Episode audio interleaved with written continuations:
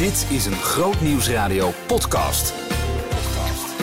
Zorgen voor je ziel. Met Ronald Koops en theoloog Reinier Zonneveld. We houden ervan om goed voor onszelf te zorgen. We doen aan sport. We proberen goed en gezond te eten. Maar de vraag is natuurlijk ook: hoe zorg je voor je binnenkant? Hoe zorg je voor je ziel? Nou, daarover gaat het elke vrijdag in de podcast Zorgen voor je ziel. Met mijn vaste gast, coach en schrijver Renier Zonneveld. Goed dat je er weer bent. Kiezen. Wat is er belangrijk aan kiezen? Ja, ik weet het wel, maar ik wil graag dat jij het zegt eigenlijk. nou, zeg het eens. nee, ja. Ehm, er zijn gewoon voortdurend zijn er een aantal mogelijkheden waar we tussen te kiezen hebben. En het gaat er vooral dan even over van wat, ja, wat, is, wat zijn verstandige keuzes? Weet je wel, ja, je kunt naar links en rechts. Je hebt ook grote keuzes over partners, over, over huis, over waar ga je wonen. En ook geestelijke keuzes als het ware. Hè? Zeker. En dat, en dat wil je als gelovige met God doen. En dan wordt het ook al snel de vraag: wat is Gods plan met mijn leven? En ja, daar, ja, ik, het, het, is een beetje. Je kijkt een beetje moeilijk er meteen nou. bij. ja, maar ik, het is voor een deel uh, de aanleiding waarom ik, uh, waarom ik ook als coach ben gaan werken. Omdat ik merkte, ik krijg nou bijna elke dag wel een mailtje met een vraag of een opmerking in mijn, in mijn inbox. Van een, iemand die ik niet ken, zou ik maar zeggen. En dat vind ik hartstikke leuk. En dat is iemand die je boek heeft gelezen of kennelijk. Of, ja. ja. ja. of, en dan soms commentaar heeft, maar meestal een soort vraag heeft of een opmerking. En um, op een gegeven moment begon mij op te vallen dat de, de, de vraag die ik meeste kreeg was: wat is Gods plan in mijn leven? En, Serieus? Gewoon die vraag echt? Ja. zeker. En uh, soms in die formulering of hij kwam erop neer. En dan, en dan moest ik verstandig advies geven of eigenlijk een soort oplossing daarvoor geven. En ik merkte dat ik dan een soort antwoord gaf wat, waar mensen soms een beetje vinnig op reageerden. Want dat was dan blijkbaar niet het antwoord. Wat, nou, wat, wat, wat, zei je dan? Nou ja, wat ik zei, en dat wordt denk ik ook wel het belangrijkste wat ik, wat ik nu wil zeggen, is uh, dat er niet een uh, stappenplan is. Dus dat het niet zozeer is dat, en dat is denk ik het grootste misverstand, zowel buiten de kerk als, als, als bij gelovigen dat er als het ware één weg voor jou is. En, en als je maar vindt, dan heb je een vervuld leven. En dat, die weg is dan Gods plan, bijvoorbeeld. Die weg dit is, het plan, en dat kun je doen. Maar wat, wat is het dan wel, als dit het niet is? Uh, nou, laten we hier eerst nog even hierop... Ik wil snel, hè? Ja, jij wil snel. Wat is dan wel Gods plan ja, mijn leven? zeg het me, coach. ja, precies.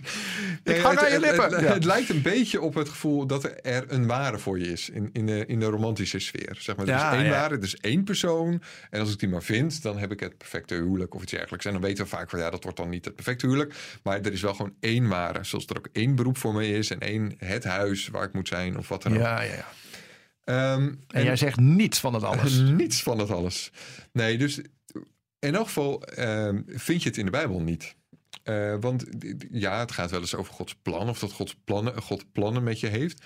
Een merendeel van die tekst wordt ernstig uit zijn verband gerukt als het hierover gaat. Dus dan gaat het gewoon over ballingschap van het volk Israël bijvoorbeeld. En dan wordt daarvan een persoonlijk individueel plan van een, een Nederlander in 2021 van gemaakt. Dat is al wel, dat is wel een dingetje. Ja, ja, ja. Uh, en dan en je merkt dus wel, ja, er, is, er zijn wel een aantal dingen in de Bijbel waarbij iemand geroepen wordt voor tot een heel specifiek ding. Maar dat zijn eigenlijk gewoon altijd profeten voor een heel concrete taak. Dus Jeremia wordt inderdaad geroepen voor. Ja, en ook niet meteen taak. plan voor het leven, maar gewoon een bepaalde taak. Exact. Ja. Dus dat is dan een soort roeping voor een bepaalde klus, zoals Jezus eh, dat ook heeft ervaren. Uh, en verder, ja, God weet alles. Dus God weet wat de toekomst zal brengen. Maar er is niet zoiets als een soort uitgestippeld ideaal leven wat voor jou klaar ligt. Dus het enige wat er over in de Bijbel staat zijn een aantal algemene geboden. Dus je zou kunnen zeggen, ja, als, als er een plan van God met je leven is, dan is dat dat je lief hebt. Liefhebben, je naast liefhebben uh, als jezelf. Ik vind het ook wel een beetje demotiverend. Exact, uh, maar dit is precies de reactie. Ah. Ja, ik word een beetje vinnig, merk ik. Nee.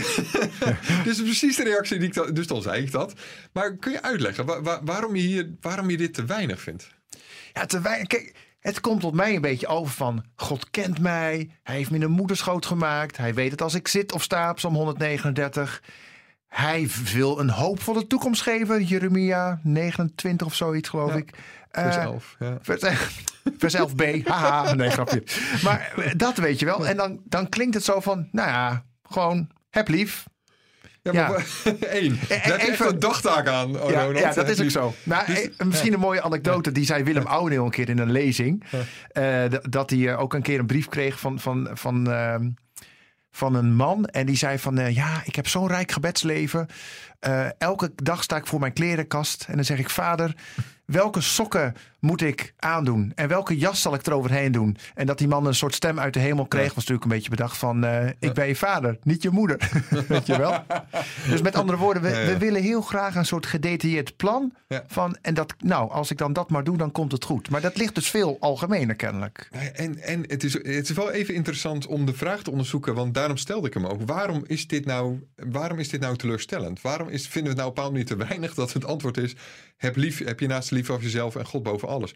Mensen, daar kun je 80 mee worden en nog 1% maar daarvan kunnen. Dus dat, daar heb je, ik, ik zei ook grappend, daar heb je een dagtaak aan. Ja, maar wij willen de controle misschien. We willen controle, we willen, het is voor een deel ook een beetje luiigheid. Dus denk ik van, ja, dan als God het nou maar zegt wat ik moet doen, ja, dan, eh, dan, dan is het klaar. Dan hoef ik er verder niet Ja, over na te denken. Dan is het wel goed. Ehm, en ik denk ook dat het voor een deel niet nodig is. Ehm, nou, ik, ik moet regelmatig aan mijn beide opa's denken. Dus mijn beide oma's hebben hun, eh, eh, mijn beide opa's altijd geholpen in, in de zaak. Maar zij hadden een soort kostwinnersmodel waarbij, de man in hun geval werkte. Mijn opa eh, heeft, mijn ene opa heeft tot zijn twaalfde lagere school gedaan. Daarna allerlei klusjes. En op zijn vijftiende is hij letterlijk naar de burgemeester van Hasselt gegaan. Klein dorpje toen nog. Eh, en gevraagd van wat moet ik gaan doen? Is er ergens... En toen zei hij, nou ja, die en die slager die zoekt nog een knecht. Dat Eh, ging wordt- echt zo in die tijd toen. Zo ging dat. Ja, dan ging je gewoon Ja. echt naar de, slager, eh, naar de burgemeester. En hij werd slagersknecht. En hij is tot zijn 65ste, de- de 50 jaar daarna, is hij slager geworden. Tot grote voldoening. Dat is de roeping geworden van zijn leven. Dus hij is helemaal niet. Hij was, het was geen geboren slagersjongen of iets dergelijks. Nee, Nee. hij is dat geworden. De burgemeester dacht van, nou ja, dat past wel ongeveer. Als die bakker had gezegd, de burgemeester, had hij een Dan- bakkerscarrière of wat dan ook Zeker. gehad. Ja. Bij mijn andere opa was het eh, to- ook tot zijn twaalfde lagere school. Vervolgens zijn vader wordt ziek, had een tuinderij. Hij moet gewoon vanaf zijn twaalfde keihard werken in de tuinderij. Om, om hem nog een beetje, dus dat er nog een beetje eten in het gezin is. En vanaf zijn vijftiende ook weer runt hij eigenlijk min of meer de tuin. En hij is de rest van zijn leven is hij tuinder. En in zijn geval heeft hij zelfs tot zijn 78ste dat gewoon zitten doen. Ook met En- dankbaarheid ook. Ja, zeker. Met een groot plezier. Want, want er is dus iets aan de hand. Er is denk ik een groot deel eh, in het leven grijs gebied. In de zin dat we. Er is niet zozeer één ding wat we kunnen. Er is gewoon een heel scala aan dingen wat we kunnen. En op een gegeven moment, als je één ding eruit kiest, ga je dat doen en word je er beter in. En dan wordt dat je roeping, om het zo maar Ja, te het zeggen. is een proces, zeg je ook eigenlijk. Het is een het proces. Het is niet zozeer een iets ding. wat, iets- niet iets wat voor je klaar ligt of zo. Maar, nee, maar- het is niet zozeer een weg die jij moet vinden, maar het is ook een weg die je kapt, eh, als het ware, met een kapmes. Jij legt voor een deel de weg die jij Ja, ja, ja. in het leven moet gaan, of jij maakt het muziekstuk. Die- zo, het is. Nou om het nog weer anders te zeggen, eh, ik denk dat God niet zozeer een partituur voor je klaarlegt. De- Volgens mij, jij kan geen noten lezen, hè? Dus Jawel, ho. Maar Oké, niet, zo, maar- niet zo goed als... eh, ik dacht, anders gaat dit voorbeeld jou heel erg aanspreken. ik wil wel net doen of ik geen noten kan lezen, maar, eh, nee. maar dus niet zo goed. Nee, ja. Nee, nou ja, ik denk niet dat God een partituur voor je heeft klaar liggen. Ja, hij weet wat je gaat spelen, maar Wat dat is dat? anders. Nee, grapje. Nee, ja. een partituur is Nee, gewoon een- muziekstuk met noten, ja. Maar dat het een improvisatie is. Ja, God zet een grondtoon in. God begint een melodie en daar reageer je op. Ah, en als jij met één... Nou, jij improviseert natuurlijk heel veel. Ja. Jij weet op het moment dat je met één grondtoon begint... Sterker nog, je kunt dan ook nog van grondtoon gaan wisselen. Maar je begint op een gegeven moment... Je zet een bepaalde thematiek in, in een muziekstuk. En dan kun je eindeloos op variëren. ja, en van het een komt het ander. En van het een komt het ander. Dus je hebt daar, en je hebt ook een prachtig voorbeeld van, volgens mij was dat met eh, Miles, Miles David. Die, was, die, die speelde een improvisatie met een veel, veel minder bekende eh, jazz, eh, jazzmuzikanten.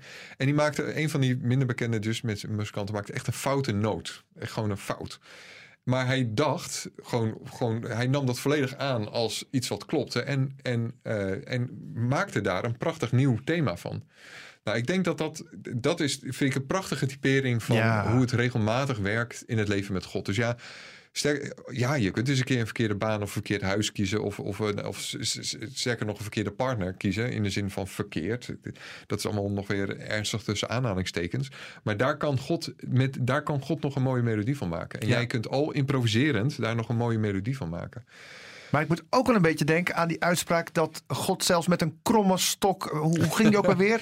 Een kromme stok rechte slagen Ja, kan slaan. Ja, wel een beetje. Ja, Ja, dus die, ook die wordt, ik, ik bedoel, het wordt vaak, die zin wordt wel vaak gebruikt om gewoon eh, wat lijden is, Maar gewoon recht misschien te kletsen. om het maar. positief misschien te bewoorden, die bewoording uit Romeinen, dat God Alles ding- ja. doet meewerken naar goede. En daar, daar geloof ik heel erg in. Dus, dus dat, en, dat, en er staat dus niet dat God alles goed bedoeld heeft. In de zin van, ja, God bedoelt alles goed. Maar niet alles gebeurt met dat het Ja, ja. eigenlijk goed bedoeld is. Nee, nee, nee. nee. Het is niet zo dat God alles plant en, en dan zelfs de ergste ziekte. Nee, want eigenlijk is het... Nee, het is ziekte en God wil geen ziekte. Want Jezus maakt niemand ziek. En dat weten we over God. wat, wat Jezus doet. Jezus maakt niemand ziek. Dus God wil alleen maar mensen beter maken. Maar soms word je ziek. En God kan, daar, kan dat wel zich. Gebruiken. Ja, Krijgsgevangen maken, zegt, zegt Paulus dan zo prachtig. God kon, kan het krijgsgevangen maken. God kan dat toepassen en, en, daar, en daar kan daar nog iets mee. En dat is. Dus ja, op het moment dat we heel vaak, heel graag eh, een plan met ons leven vinden. En eh, als het antwoord dan komt, eh, ja, je moet lief hebben. Ik, ik blijf het fascinerend vinden waarom we dat teleurstellend vinden. ja. En Ja. dat is, en het, ja. En, eh, het- Maar misschien willen we ook te veel, denk ik wel eens. Want ik moet in dat hele verhaal wat jij nu vertelt ook een beetje denken aan een stukje controle. Dat wij als, als Nederlands in ieder geval en ook als christen misschien gewoon de controle willen hebben. We willen weten hoe het zit, wat ik mag doen en of dat gezegend wordt. Ja. Dit is mijn plan. Als u tekent, zo. Ja, en dan zit er daar dus inderdaad misschien wel die onzekerheid of het gezegend wordt, inderdaad. En, Ja. en, maar ook als, als je wel het plan volgt, weet je dat niet. Bedoel, Jezus zegt zalig zij die vervolgd worden om mijn naams wil. Ja. Dus doe het goede en, en, je, en het is nog niet altijd een lolletje. Ja. Sterker nog, je hebt zelfs veel kans dat het geen lolletje wordt. Dus dit, ja, je hebt gewoon geen, ja, het klinkt eh, als platitude, maar je hebt gewoon geen garanties in het leven. Sterker nog, als je echt gaat doen wat Gods plan met je leven is, namelijk liefhebben, de garantie die je hebt is dat dat flink pittig gaat worden. Ja. Zijn er wel andere manieren waarop je erachter kunt komen van hé, de weg die ik nu ga, eh, die, die is de goede, die past? Of eh, nee, ik moet misschien iets anders doen. Ik moet. Ja. Nou ja, er zijn een aantal methoden. Ik, la- laat, ik zeggen, laat ik dat bronnen van wijsheid noemen. Dus er zijn een aantal bronnen waar in je leven waar je kunt putten. Waarin je wel degelijk kunt zeggen van nou dit past op zijn minst beter. Of dit is de, de betere weg voor mij. Of de minder slechte weg voor mij om te gaan. Ja. Want het zit altijd in dat grijze gebied. Je gaat het niet hard weten. Het zit in een grijs gebied, maar je kunt wel degelijk een bepaalde wijsheid opdoen. En ik denk dan wat niet werkt, is eh, een, en wat we wel heel vaak doen, is lijstjes maken met voor- en nadelen. Dat doen we heel vaak. En, en dan proberen we het soort van. En dit is ook aangetoond dat het niet werkt, overigens. Dan proberen we lijstjes te maken met. Ik, ik heb. Even tussendoor. Ik, ik, eh, Er gaat een mooi voorbeeld Ja. komen. Ik voel het gewoon. wat heel grappig is, ik, ik, eh, ik vind, ik, als ik een, eh, briefjes op straat, die verzamel ik. Dus op het moment dat, dat ik zo'n briefje vind, dan. Wat, wat voor briefjes op Van straat? alles en nog. Er liggen, er liggen heel veel boodschappenbriefjes op straat. Maar ook soms, ik heb heuse liefdesbrieven gevonden. Maar die verzamel jij? Ja, dat, ja, Waarom zou je dat doen? Omdat dat heel interessant is. dus je kunt echt prachtig. Ik heb echt een doos vol met prachtige briefjes die ik op straat heb. wat mooi. Het is echt Ja. prachtig. Dus ook gewoon eh, stemadviezen. Dat is nu het eerste wat ik me toevallig herinner. Maar waar ik aan dacht, dat, dat was het voorbeeld. Dat was iemand die, een, eh, een vrouw, eh, denk ik. Die wilde tussen twee geliefden kiezen. En daar de voor- en de nadelen tussen opschrijven. Dus laten we zeggen Tom en Jerry.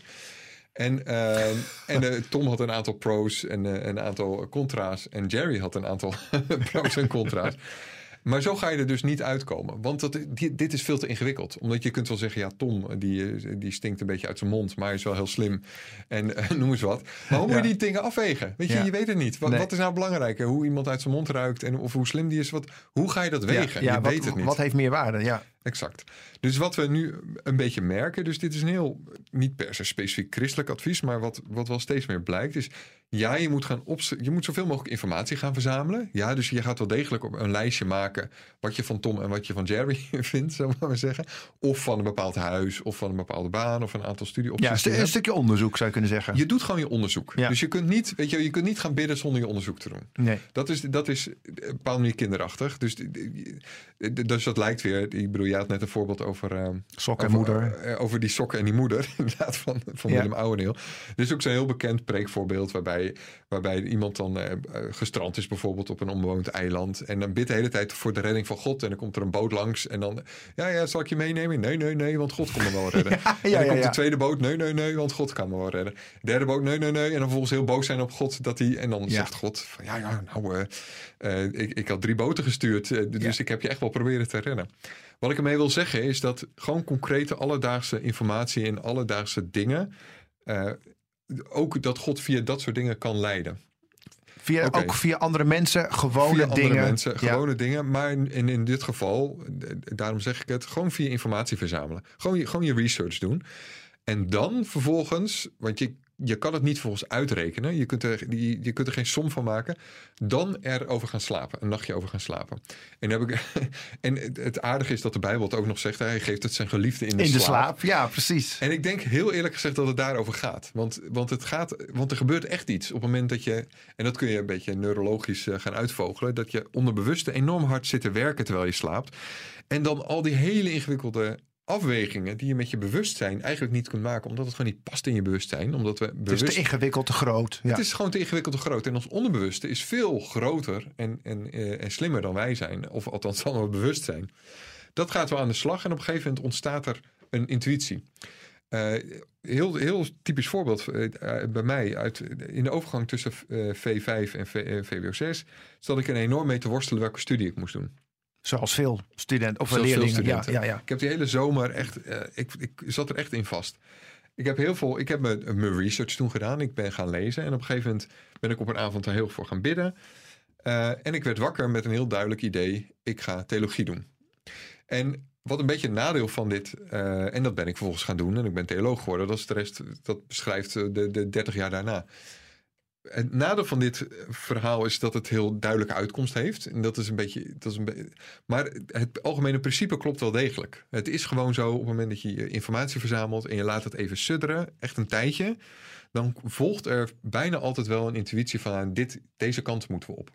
Maar maak je daarmee niet te aards? Nou, Want er zijn ook mensen die zeiden van... eh, nou, ik hoorde laatst nog een verhaal over een, eh, een echtpaar uit Canada. Die eh, was van plan om eh, ehm, op huwelijksreis naar Europa te gaan. Ja. Die kwam bij een soort Engels hotel aan. En eh, daar was een foldertje van een project in Amsterdam. Ja. En de medewerker van de balie zei... Volgens mij moeten jullie daarheen. We heard God's voice, zeiden Ja, ze. Snap je? Dus Het hoe zit dat dan? Het, gebeurt wel eens, maar het gebeurt echt buitengewoon zeldzaam. En als je daarop gaat wachten, dan zit je erg Ja, dus jij zegt bank, eigenlijk, eh, het is bid en werkt. Dus je moet je huiswerk doen, je kan ervoor bidden en, en Ja, dus het voorbeeld eigenlijk wat ik geef over die theologiestudie is dat. Hè? Dat, is, Ja. dat is inderdaad, je doet, je, je- doet de research en je gaat bidden. En dan volgt er, in mijn geval is het super helder, maar dat, in de meeste gevallen is dat gewoon niet zo. Er volgt wel vaak een gevoel van, nou, die kant zou het op kunnen gaan. En wat daarbij een troost is, op het moment dat het grijs gebied is, op het moment dat het niet zo duidelijk is, ja, dan maakt het dus ook blijkbaar minder uit. Hè? Dan zijn misschien beide opties eigenlijk best wel oké. Maar zijn we dan bang om verkeerde keuzes te maken? Want dat proef ik ook een beetje in jouw woorden. Niet over jezelf, maar dan Nou, over ja. anderen van... Ja. Oh, als ik maar niet een verkeerde keuze maak als Ja. christen in mijn leven. Terwijl jij zegt van... Nou, dat er is heel veel dan. grijs gebied. Er is heel veel grijs gebied, is mijn indruk. Dus heel veel past binnen. De marge die God geeft, is heb je naast lief als jezelf. Nou, daarbinnen past enorm veel. Daarbinnen past dat ik eh, slager word, bakker en, en, en dat ik waar dan ook ga wonen. Slager, bakker, theoloog, het maakt allemaal niet Het uit. maakt allemaal niet uit. Het- ik kan allemaal. Ik kan een liefhebbende bakker zijn, een liefhebbende theoloog. Ik kan liefhebbend in Ede wonen en liefhebbend in Amsterdam wonen. Ja. Dus, weet je, oh, dus, dat, dus blijkbaar is dat, hebben we daar een eigen verantwoordelijkheid in gekregen. Dus één, het eerste tip, informatie verzamelen en het, laten, het la- even laten rusten, er niet actief aan denken. Het tweede is natuurlijk gewoon met je, met je vrienden, met geliefden, met wijze mensen erover praten. Ehm, wat een heel aardige is, is dat je eens bij jezelf nagaat. Dat zou een derde bron van wijsheid zijn. Eh, is, waar heb ik nou flow ervaren eh, e- eerder in mijn leven? En Hmm. flow is, is eigenlijk een moment dat je de tijd vergeet. Dat je helemaal in je element bent, zeggen we dan. Zorgen voor je ziel. Groot Nieuws Radio. Even terug, even samenvatten. Ja. Want wat waren die eerste en die tweede? Ik ben het alweer kwijt, maar De eerste was, de eerste bron van wijsheid is gewoon informatie verzamelen. En laten informatie verzamelen, ja. De tweede is eh, je omgeving. Eh, gewoon, gewoon vragen, wat, wat, zou je, wat zou je doen in mijn Ja. geval? Wat denk je wat verstandig voor me is? En het derde is dus, de, heb Is- je flow ervaren ergens? Ja. Onderzoeken waar je flow hebt ervaren en kijken of, of dat, welke keuze daarbij het beste past. In jouw geval was dat volgens mij bijvoorbeeld eh, eh, eh, met muziek. Hè? Ja. Dus je hebt, ja, dan verlies je als het ware de, de- de- je omgeving. Je raakt de tijd kwijt, je vergeet de tijd. Je bent helemaal in je element. Nou, dan weet je dat je daar iets mee moet. ja. En welke vorm dat dan? Ja, jij, gaat dan een stilte tour doen of iets dergelijks. Nou, dat kan van alles. Weet je. je had er van alles mee kunnen doen. Maar dat ga je dan er toevallig mee doen. Maar En flow- dat maakt ook niet zoveel uit, dus zeg je en dat eigenlijk. maakt er ook niet zoveel uit. Nee. Eh, want je kunt liefdevol concertpianist zijn, eh, maar je kunt ook, eh, weet je wel, je kunt ook liefdevol een stilte tour doen of liefdevol, nou ja, Ja, weet je, ja, ja. jingletjes inspelen voor groot nieuws. Ja, ja. Weet je wel, dat, dat kan allemaal. Ehm, Dus het gaat ook om die hartgesteldheid. En, en we hebben ook volgens mij ook besproken Ja, met elkaar dat, Ja. dat je dus best verkeerde keuzes mag maken. Ik wil toch Maar even. ja, voor een deel, je, elke keuze gaat verkeerd zijn. Hè? Dus, dus ja, want je leeft in een gebroken wereld. Dus elke keuze zal troubles meegeven. En elke keuze zal een bepaalde zegen en een bepaalde vloek, om het maar, maar, maar zo te zeggen, meegeven. Ik moet ook wel een beetje denken aan die eh, jongeren van nu, de twintigers, de studenten, die vaak onder hoge druk leven. Eh, want de ambities zijn groot. Ja. En er is zoveel keuzemogelijkheid. En dan? Ja, dus de, de- dat komt er nog weer bij. Hè? Dus er zijn steeds meer mogelijkheden waarbij je inderdaad steeds meer denkt van ja, als ik nu het verkeerde kies, dan heb ik misschien wel mijn leven verknald. Ehm, ja, je kunt er eigenlijk in, in zekere zin van uitgaan dat je verkeerd kiest. Want het is, ja, één, het, het, het- er is niet één weg die, die het meest geschikt voor jou is. Er, is. er zijn waarschijnlijk honderd keuzes die allemaal min of meer even geschikt zijn. En wat je kunt doen is, ja, de marges wat verkleinen. Dus, dus van, die, van de duizend opties die er zijn, er honderd maken. En vervolgens, ja, langzamerhand een weg daarin gaan. En dan wordt iets jouw weg. Iets wordt jouw roeping. Iets wordt het plan Ja. van God met Ja. jouw leven. Ik heb ook wel eens ehm, gelezen ergens dat, je, dat het ook goed is om. Hè, je hebt het over studie, dingen onderzoeken. Ja. Dat het ook wel eens goed is om gewoon eens na te denken. Wat vind ik nou niet leuk om te doen? En dus ook zeg maar een soort van te vieren dingen die je niet kan. Ja. Want daar hoef je dan niks mee. Dat, dat, dat helpt misschien ook al inderdaad. Vind ik prachtig, hè? dus dat kunnen we als vijfde bron van wijsheid hier aan toevoegen. Ja, we ga gewoon eens naar van wat, wat is er allemaal, waar, waar word ik nou back af van? Wat zuigt mij leeg? Wat, Ja. eh, wat, waar word ik heel gestrest van? Ja. En laat ik daar nog een, nog een interessantere, nog een hele interessante aan toevoegen. Waar word, je, waar word ik boos van? En dat is niet zozeer dat je dat, dat dus moet gaan doen. Nee, maar dat is een indicatie waar, jou, waar jouw passie ligt. Op het moment dat jij eh, boos wordt van... Ja, eh, boos in de zin van eh, een soort van heilig, heilig onrecht of zo. Van dit, dit, dit kan niet.